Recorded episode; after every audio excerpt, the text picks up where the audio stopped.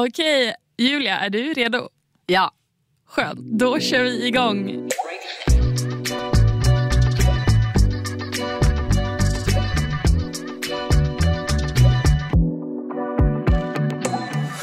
Hej och varmt välkomna tillbaka till Breakit Podcast. Mitt namn är Åsa Johansson, programledare för den här podden och reporter på Breakit. Och idag med mig i studion har jag ingen mindre än min reporterkollega Julia Lundin. Hej! Hej! Vad kul att du är med! Ja, debut i podden här. Ja, otroligt kul. Och eh, någonting som vi eh, reflekterade lite om nu precis innan var ju att är det första gången det är två tjejer i Breakit Podcast? Jag tror faktiskt att det är det. Otroligt. Premiär. Skål! Ja! Härligt! Vi har ju vårt eh, upplägg här i podden med eh, våra möten, snackisar och köp och sälj.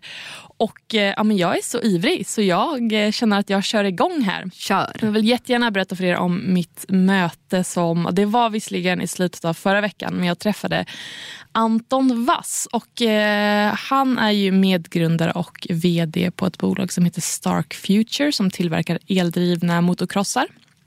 Och Julia, du har ju lite koll på den här snubben ändå. Vi har ju rapporterat en del om honom. Och eh, ja, men lite så här eh, backstory då, att han under ett par år byggde, ja, men lite i hemligheten då, upp eh, det här bolaget i Barcelona i Spanien. Och eh, ja, för nästan exakt två år sedan så drog de bort ridån då, och eh, företaget visade upp sin då produkt, den här eldrivna motocrossen. Och då bara välde beställningarna in. Och jag tror att det tog typ ett dygn efter lanseringen så hade nästan 800 hojar beställts till ett värde av runt 80 miljoner kronor. Extremt. Extremt och beställningarna bara fortsätter bara ticka upp, upp, upp, upp, upp. Men det var först i våras, närmare alltså ett och ett halvt år senare. Eh, och det var massa förseningar och så vidare som de första kunderna fick hem sina beställningar. Jag ska nämnas också att eh, det här bolaget har fyllt på kassan i flera omgångar sedan starten och de har totalt tagit in nästan en miljard kronor i form av riskkapital och lån. Mm, hur går det för bolaget nu då? Ja, du, det här är en jättebra fråga som jag också ställde till eh, Anton Vass. Och han är så här, ja, men hoppas på lönsamhet redan nästa år och han har också siktet inställt på börsen, alltså att börsnotera bolaget och att han då ska bli börs-vd. Men han vägrar att berätta om bolagets siffror och liksom, ja, men, berättar man inte om de faktiska siffrorna så berättar man ju egentligen inte om hur det faktiskt går. För om någon säger att Nej, men det går bra, vi är nöjda, vad betyder det egentligen? För han nämner liksom så här, ja, men de levererade si så många hojar i oktober och ska lämna si så många i november. Men that's basically it. Det låter lurigt, tycker jag. Ja, men det är lurigt. Och, ja, det du blir lite irriterad ja, jag, hör jag också. Ja. Det brusar upp dig här i studion. Ja, jag blir lite irriterad. Och man kan här, såklart fråga sig varför. Varför bryr vi oss så mycket om det här? Eller varför bryr jag mig så mycket om det här? Jo, men bolaget är då registrerat i Spanien. Och där är lite issue för en svensk journalist. För att det går liksom inte att få tag i bolagets siffror lika lätt som det går att göra om man kollar upp ett svenskt bolag. Då kan man bara höra av sig till Bolagsverket och säga tjena tjena jag vill kolla på det här bolaget så får man sina, sin data, den informationen man liksom kikar efter.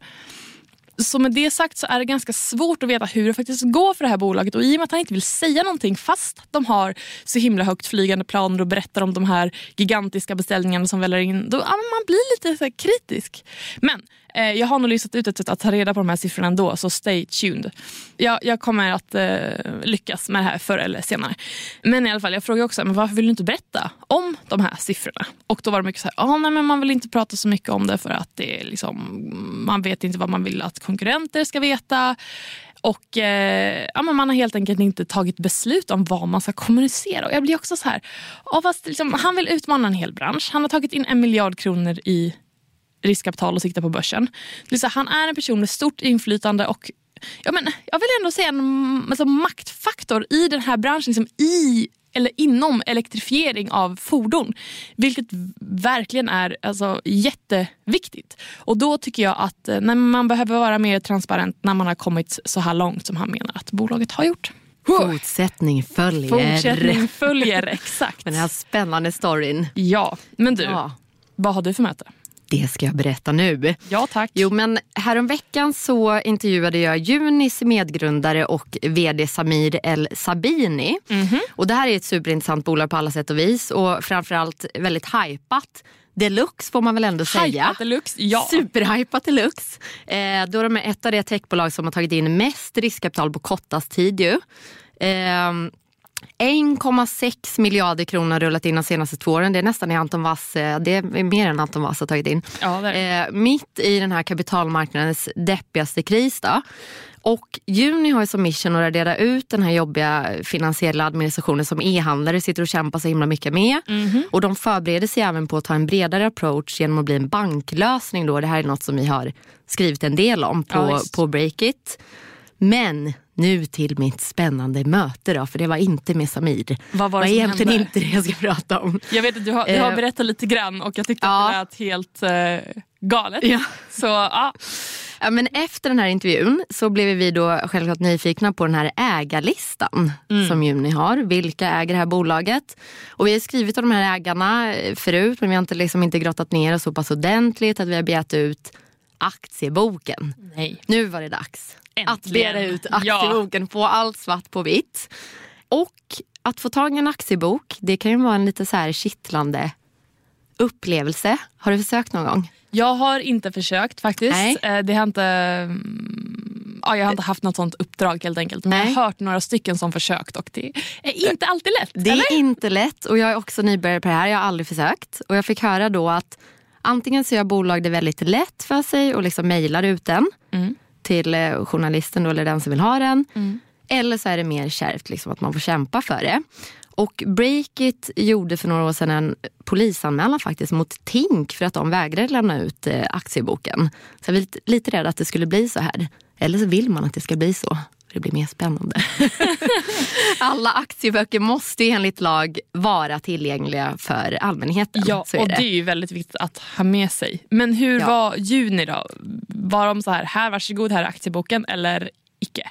De gjorde det lite svårare för mig helt enkelt. Jag blev tvungen att kolla i den här aktieboken eh, fysiskt. Då. Så att jag bokade ett möte med dem på deras kontor eh, och får besöka det här i Stockholm. iOffice på Kungsgatan, ganska så här oansenligt eh, mm -hmm. kontorskomplex. Och då möter jag en av Junis jurister här i receptionen. Vi går igenom labyrinter av gångar och ytor där det sitter massa människor. Och längst in då i det här kontorskomplexet så finns det ett minimalt rum.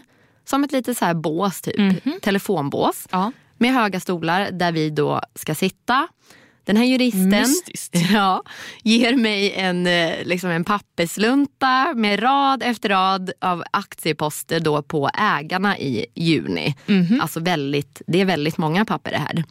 Och jag tänker herregud, det här kommer ta mer tid än en halvtimme. Vi har bokat en halvtimme för det här. Ja. Juristen behöver äta lunch någon gång. Eh, det behöver jag med. och eh, hon säger då att jag är strikt förbjuden att ta bilder med telefonen också. Okay, vilket ju hade varit ganska smidigt ju Så göra. du ska alltså skriva av de här många, många papperna med alla rader? Ja, och okay. sen börjar ju det något surrealistiska här. Då, och vad är det som händer då? Nej men alltså jag är över, övervakad som av en hök kan man väl säga. Eh, den här juristen i rummet släpper mig inte med blicken. Alltså hon hon Eller, sitter hon där. sitter och stirrar på dig? Liksom. Eh, hon sitter och jobbar lite vid sidan men, men ja, jag känner mig väldigt eh, inträngd där och ah. övervakad Usch. och det är ganska jobbigt. Eh, och det här måste ju också vara andra som har skrivit av aktieböcker som har upplevt ju, andra journalister. Så jag sitter alltså med den här pappersbibban till höger, Excel-arket på datorn till vänster och få nackspärr. oh, nej!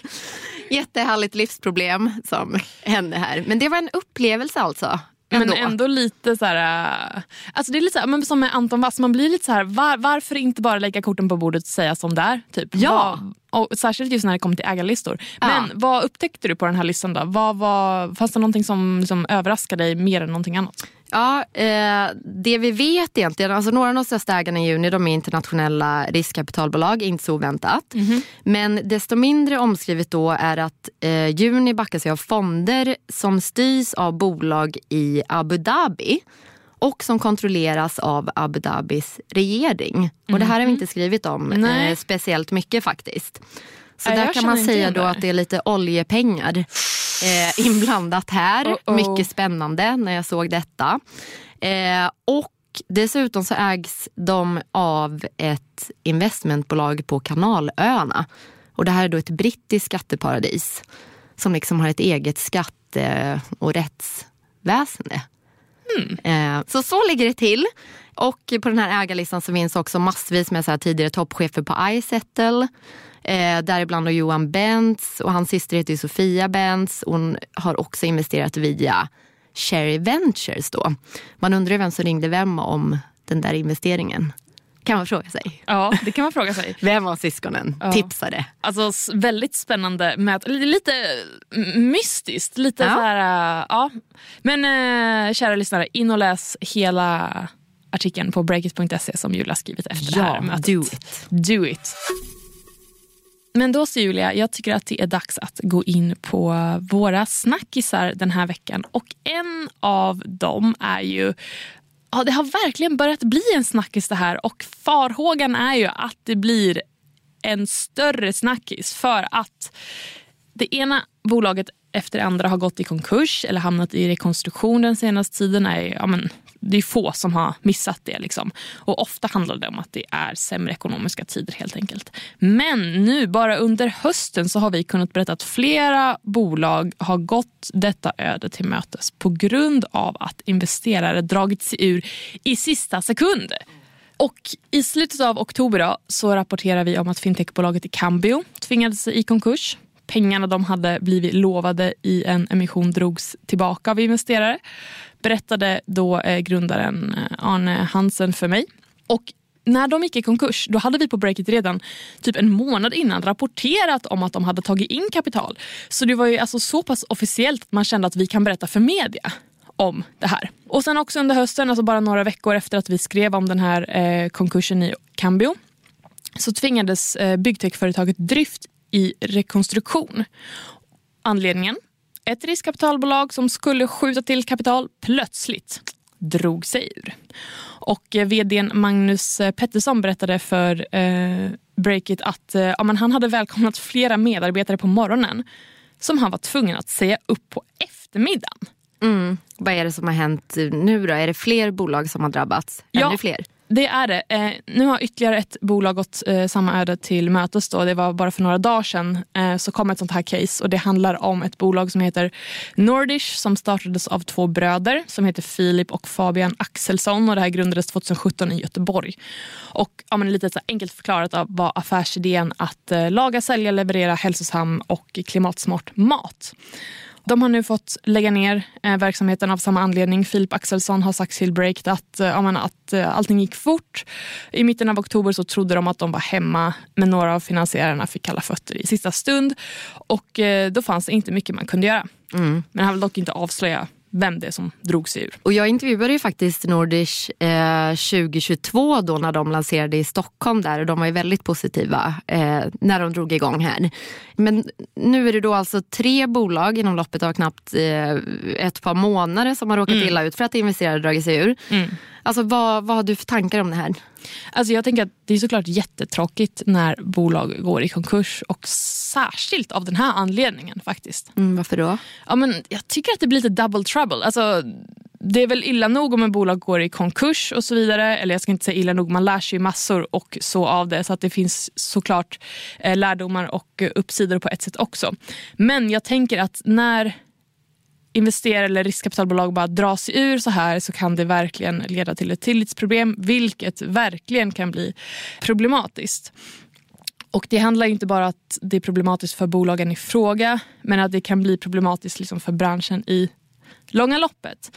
Men med det sagt så finns det också alltså, lärdomar av det här. Och Det känns som att man kan inte räkna med att man får in det här utlovade kapitalet förrän pengarna verkligen syns på kontot. Och jag tänker samtidigt så här, alltså man måste ju som bolag kunna göra en plan och en budget för kvartalet, halvåret, året eller nu vad det är. Och om man då har investerare som står och säger att Nej, men vi ska absolut investera och skjuta till pengar så vill man ju såklart räkna med det i kalkylen. Och mm. Det kan ju vara flera beslut som ska fattas eller som bolag kan fatta för att man då ska få in de här utlovade pengarna. Eh, och I flera fall kan det vara avgörande för bolag, vilket vi, ja, vi ser i de här tre casen då, som vi har nämnt. Men jag tänker också att eh, alltså, egentligen, man kan ju alltså, på ett sätt kan man tänka att ja, det finns nog ingen nedsida för riskkapitalbolag eller investerare att dra sig ur i sista sekund. För det är ju trots allt entreprenören och bolaget som ska ta in pengarna som får ta den stora smällen. För de får ju inga cash.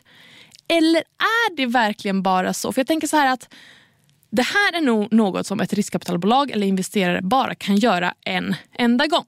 För om man som entreprenör ska ut och söka kapital och man börjar prata med investerare och sen vet man att det här, den här investeraren eller det här riskkapitalbolaget de har dragit sig ur två gånger. Man får dåligt rykte. Man får dåligt rykte. Och varför ska man då som entreprenör gå till det bolaget? För det är en sak om det är så här, okej okay, de drog sig ur en gång och de hade säkert en bra anledning och så vidare. och så vidare och så vidare.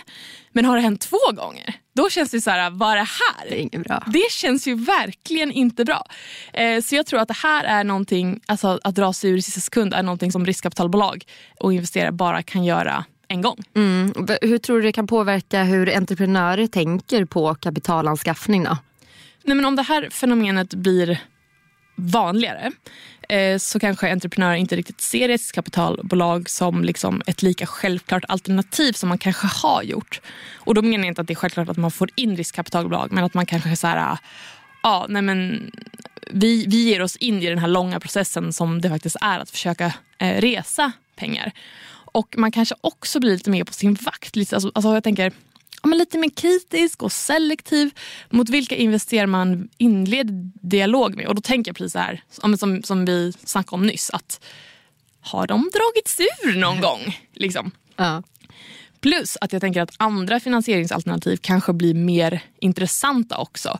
Eh, för man vill inte riskera att hamna i en sån här härva. Då kanske det är faktiskt bättre att försöka få ja, ett lån eller ett bidrag eller annat form av stöd.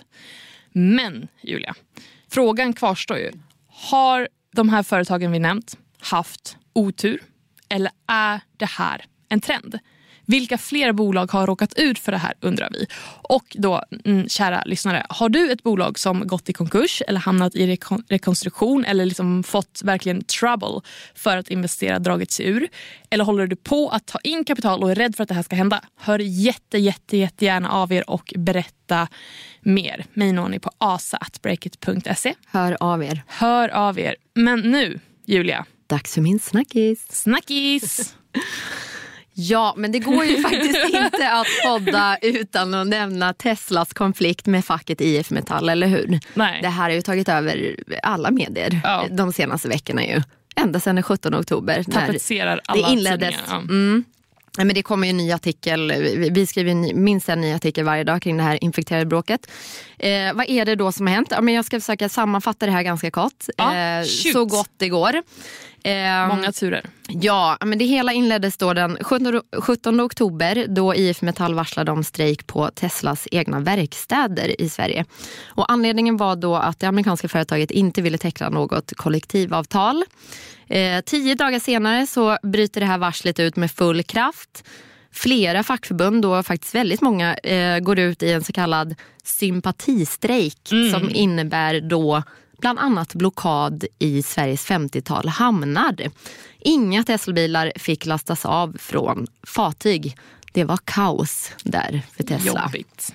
Ja, och efter nästan en månad av strejk på verkstäderna då så väljer ju självaste Tesla-grundaren Elon Musk, Elon säger man va? Eller hur? Jag säger Elon. Att kommentera den här konflikten. Det här är galenskap, this is madness skriver han då på X eh, som han också äger. Samtidigt så stoppar Postnord leveranser av registreringsskyltar till Tesla-bilarna. Herregud, det bara fortsätter. Och sen i måndags så kom den här nyheten om att Tesla stämmer svenska staten mm. genom Transportstyrelsen och även Postnord för att de inte får tillgång till sina registreringsskyltar. Då. Ja, en riktig härva. Ja. Eh, och hur eh, fortsätter historien framåt? Ja, men Tesla har ju vägrat förhandla om ett kollektivavtal. De eh, lägger locket på. Det verkar just nu vara ett mycket låst eh, läge helt enkelt. Och Tesla är idag den enda biltillverkaren i USA som inte har en facklig representation på något vis. Oj! Ja, det är ju helt otroligt. Alltså, De har så här framgångsrikt stängt ute då stora fackförbund.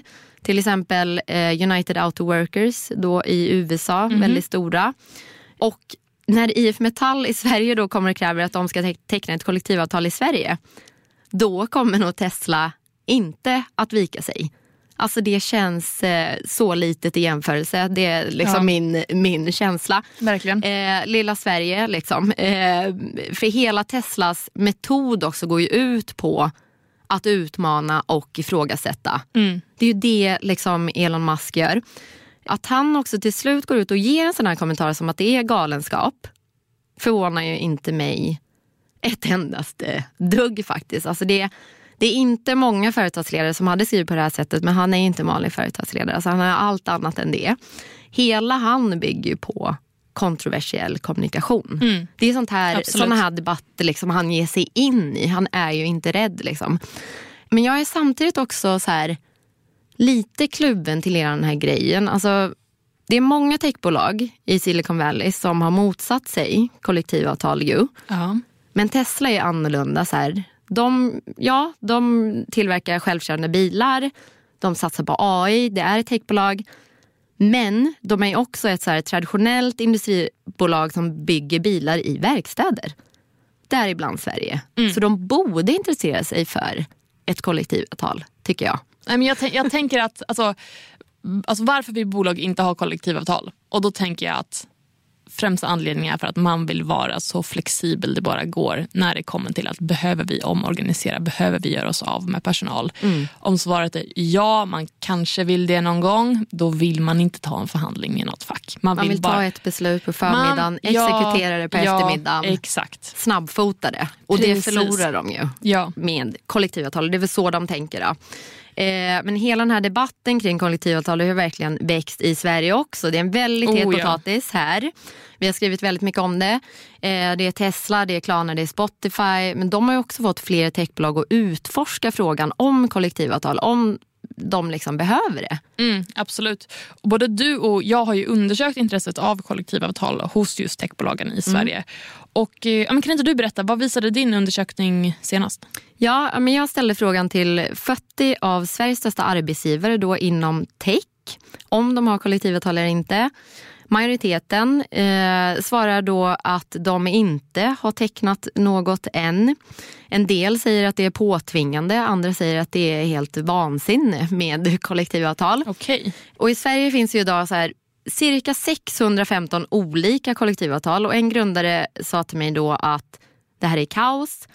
Alla dessa bolag då kan mer eller mindre bestämma fritt hur värdet av en sjukdag ska beräknas. Okej. Alltså det är liksom eh, för många helt enkelt. Och som jag sa tidigare så vill ju techbolag så här, ta ett beslut på förmiddagen och slå slag i saken på eftermiddagen. Och det går ju inte riktigt med kollektivavtal. Nej. Jag tror att de liksom förlorar den här snabbheten och det är väl där i som motståndet ligger. Men det är ändå flera som undersöker det nu om, och liksom för samtal med fackförbund. Så vi får väl se. Det får kanske svänger. Ja, vi följer det här noga och rapporterar till er eh, lyssnare såklart. Ja. Men du, vad, vad tror du? liksom? Vi nämnde det här låsta läget mellan då Tesla och IF Metall i Sverige. Vad tror du att det kommer bli för utfall och varför kommer det bli det utfallet? Alltså, jag tror att det kommer ta tid tyvärr. Jag, jag vet inte om, jag tror inte att han kommer vika sig. Han känns Det här känns som en, som en person, liten ja. konflikt för honom. Alltså, han, jag vet inte om han bryr sig. Liksom. Samtidigt, hur länge kan en strejk pågå? Ja, ja, bra fråga. Men för jag tänkte på det här som du sa att är Tesla då det enda um, alltså den här biltillverkaren eller elbilstillverkaren i USA som inte har kollektivavtal.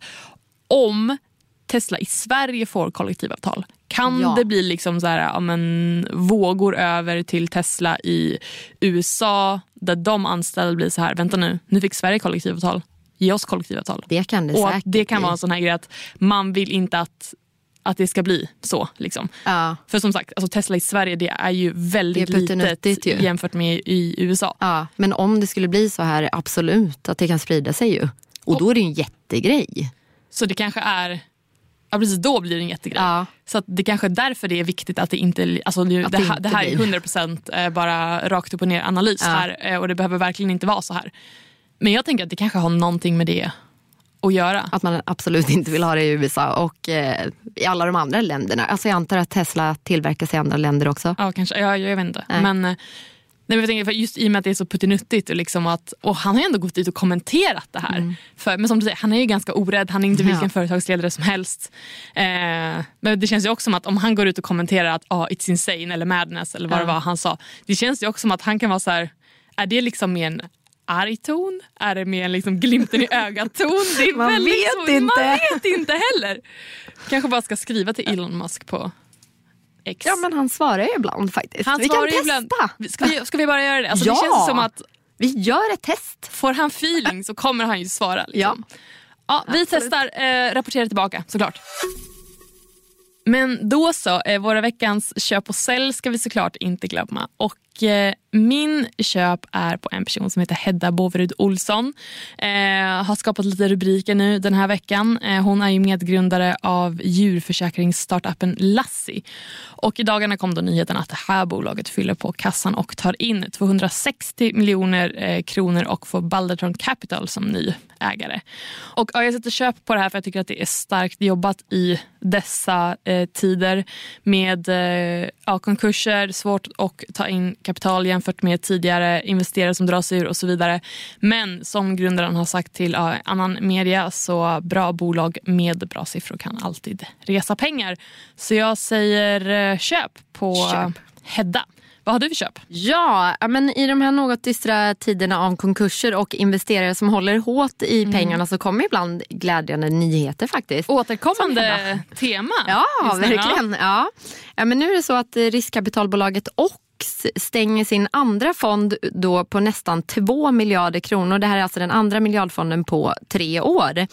Och OX satsar på att hitta Europas nästa succé inom SAS, som Mhm. vi skriver mycket om. Software Eh, as a service. Ja, och de har tidigare investerat i, i bolag som Funnel, Appica och Think Tank. Eh, och det är faktiskt en svensk person som ligger bakom OX, nämligen Investor-veteranen Mikael Jonsson. Och den andra medgrundare då är britten Rickard Anton, heter han. Och eh, jag gissar ju att det här kapitalet är mycket efterlängtat i den europeiska startup-scenen och då framförallt inom SAS-sektorn. Mycket glädjande nyheter, så ut och jaga det här kapitalet. Alla SAS-bolag. Do it.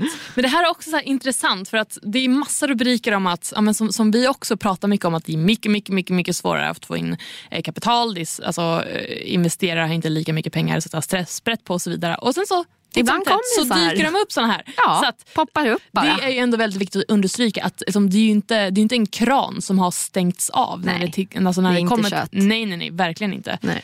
Gud vilka... Så här, Vi är positiva nu.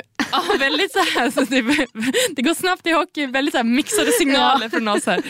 Very well. Eh, Jag går in på min sälj som är Kaja Cosmetics, eller snarare Camilla Bastin som är ansvar för då det här bolagets PR, influencer marketing och eh, kommunikation.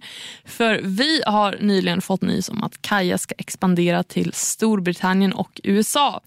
Och eh, jag hörde av mig till bolaget för att ställa några frågor om det här och fick svaret att de är i London just nu och ska göra intervjuer om precis detta med internationell press som de har lovat att alltså, vara exklusivt och att de kan därför inte göra intervjuer med svensk media just nu. Dissen. De Dissen, blivit för stora. Ja, och då blir jag, så, här, jag förstår varför varför de gör det här. De vill ju eh, såklart lova exklusiva intervjuer till internationell media och så vidare och så vidare för att det är där de vill marknadsföra sig. Men det är ändå lite irriterande. Det är, liksom, det är här de har startat, det är här de har växt. Så ja, plus att nyheten var ju redan ute. Men eh, jag tycker att det ändå ska bli spännande att se hur det här kommer att gå och vilken strategi de kommer att välja. För om man tittar på alltså Bianca Ingrosso, hela svenska folket i princip, ja men alla måste ju veta vem hon är vid det här laget. Eh, Sveriges Kim Kardashian. Verkligen, och hon är ju verkligen ett dragplåster för Kaja och därför ska det bli intressant att se hur de kommer köra på i Storbritannien och eh, USA. I och med att hon är ju inte ett namn där som hon är här. Nej. Ehm, och det ser man ju också på deras eh, tyska satsning. Där de, och nu ska jag inte säga någonting som jag inte har stenkoll på. Men jag vill minnas att ja, men de har samarbetat med några influencers. men de lokala, är, va? Lokala, precis. Men de är inte alls lika stora som Bianca Ingrosso. Nej. Så att det här blir spännande. Men under tiden sätter jag sälj på dem. Ja, vet man hur det har gått i Tyskland förresten? Eh, Jag, har, ing- koll på jag det? har inga siffror på det, men de kör ju på fortfarande. Det gör de. Vet jag. Ja. Ja. Intressant. Yes. Då kör vi veckans sista lilla notis här. Veckans sälj. Ja. Då sätter jag handen i Sverige där. För e-handeln och butikerna ser ju fortsatt väldigt mörkt på framtiden. Så har det varit ett tag. Eh, när Svensk Handel kom med sin rapport i veckan så visade det sig då att handlarna och, och särskilt de mindre handlarna är väldigt oroade för vikande försäljning och lönsamhet. Det verkar liksom inte finnas någon ljusning helt enkelt där ute. Dystert. Och det här är alltså 18 månaden i rad som de här handlarna ser negativt på de kommande tre månaderna. Usch vad tufft det är alltså. Verkligen. Eh, och det här gäller ju inte minst då e-handlarna. Och vi har ju under de senaste veckorna skrivit fler och fler artiklar om e-handlare som har fått kasta in handduken, alltså de har tvingats gå i konkurs. Så det är verkligen jättetufft där ute. Men nu återstår då att se om de kan räddas av Black Friday eller mellandagsrean. Vi får se helt enkelt. Vi får se. Och ni som lyssnar, har ni inspel? Ehm, högt som lågt, ris som ros. Hör jättegärna av er. Mig når ni på asa.breakit.se och dig Julia på Julia at breakit.se. Grymt. Men du, ska vi säga någonting mer eller ska vi eh, ta helg höll jag på att säga. Det känns som vi ska ta helg nu Åsa. vi tar helg. Tack snälla för att ni har lyssnat. Vi hörs igen nästa vecka. Tack, hej då. Hej då!